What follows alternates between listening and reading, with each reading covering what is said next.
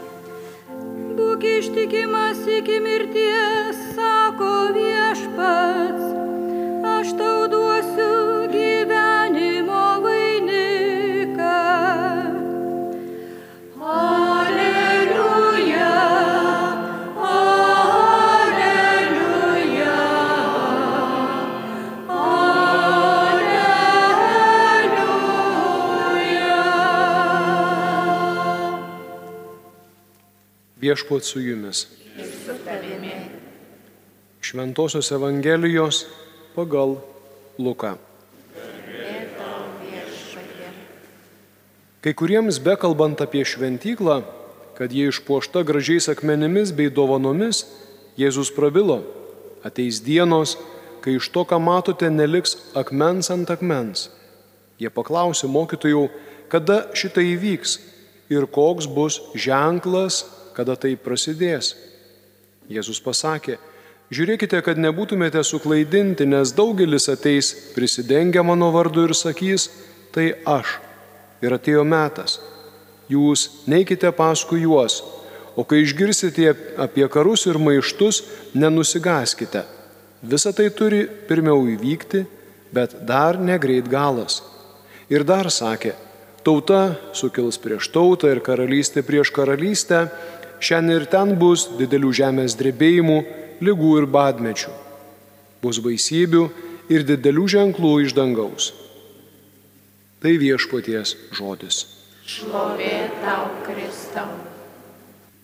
Garbingieji broliai kunigai, broliai seserės, kurie susirinkote ypatingo žmogaus, ypatingo ganytojo, vyskupo Antano Vaičiaus 15-asias mirties metinės.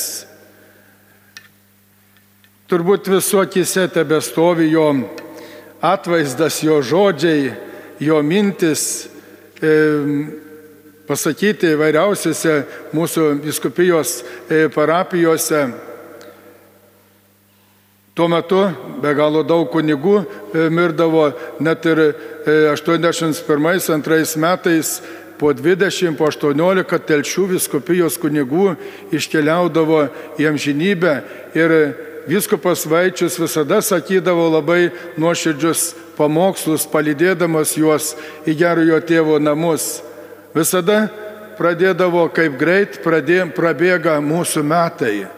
Mūsų metai, braždžionių pasakyti eilėraščio žodžiai ir niekas jų negali sustabdyti. Ir jis e, neretai pajokaudavo, sakydavo, E, jaunystėje užsiprašiau Dievo, kad man leistų gyventi iki 2000 metų. Ir štai atėjo 2000 metai, jis gyvas, dar, dar stiprus, jis sako, koks aš buvau kvailelis, kad tiek mažai tai užsiprašiau. Reikėjo daugiau užsiprašyti. Dar Dievas ir pratėsi jo gyvenimą. Iš tikrųjų, e, čia galėtume e, šnekėti iki vakaro apie jį. Ir jeigu kiekvienas kunigas, kuris pažinojo amžinatilsi visko pavaičiu, tai galėtų įvairiausių nutikimų, gražiausių nutikimų e, papasakoti. Bet jis visus tos nutikimus, visus tos kartais tokius atrodo ir, ir, ir pajokavimus, viską vedė į vieną centrą vedė į tikėjimo šviesą, vedė į Dievą. Ir kada ji e, pašventino viskupu, jis pasirinko gražiausią, e, toks yra e, šūkis užrašytas viskupo gerbė ir jis tą pasirinko šūkį ir ant savo, ant savo kapo paminklo. Solideo, tik Dievui, niekam kitam, o tikras žemaitis, niekam kitam, tik Dievui. O tada, jūs žinote, na, jaunieji nelabai, vyresnėji žinote, kokie buvo laikai, kai buvo nelengva viskupams, e, kokie e, valdžios spaudimai, persekiojimai. Juk niekur neleisdavo e, sutvirtinimų duoti tik telšių katedroje kur susirinkdavo e, po septynis tūkstančių žmonių per šeštadienį, sekmadienį ir viskupas turėjo visą suteikti sutvirtinim sakramentą. Bet jis pamažu, pamažu vis e, stengiasi įtikinti, nu kad laukia kitur. Ta paskui per, e, išprašė jau per dekanatus, kad dekanatuose galėtų teikti sutvirtinimą. O prisimename Žemaičių kalvariją Visada sakydavo, kad prieš Žemaičių kalvarijos atlaidus atvažiuoja iš Vilniaus e, kultui galiotinis arba iškviečia į Vilnių ir sako, tu nevažiuok į tuos atlaidus, susirk, susirk, sakyk, kad negaliu ir, ir apmulkink žmonės. Bet viskupas, kaip taip galis, jis juo labiau sakydavo, juo labiau jis važiuodavo. Ir jis e, taip labai švelniai, ne, ne piktai, bet sakydavo, tada jis ministru vadindavo tą kultų galiotinį e, ir sakydavo, jeigu jūs būtumėt sėdėję vežime, kur berželiais apkaišytame, su arkliukais, važiuojame ir įvažiuojame į Žemaičių kalvarijos e, teritoriją, užia kalnai. Tiesiog e, būrys pro būrį negali prasikeisti, gėda giesmės, žmonės eina keliais, maldauja. Viešpati ir Dievo motina globos, sako, tu taip nesakytum, tu, tu ko gero pats nuvažiuotum ir eitum. Ir aš gerai prisimenu, kada pradėjo viskupas, pradėjo eiti kartu su tikinčiaisiais į kalnus. Kokia euforija, kokia euforija, kaip, kaip žmonės visi sako, su viskupu apėjim kalnus. Iš tikrųjų, tada tūkstančiai žmonių tūkstančiai. Jeigu norite pamatyti, e, kaip e, Žemaičių kalvarijoje buvo e, kalnai einami ir, ir kokia minė buvo, atsisukite 87, 87 metų Žemaičių kalvarijos atlaidus ir jūs pamatysite. Jūs nesulaikysite ašarų. Kaip su jėga eina visi su jėga, eina su tokia malda, kad rudos dangus turi, turi e, prasiskirti ir Dievo malonės nukristi ant visų tikinčiųjų.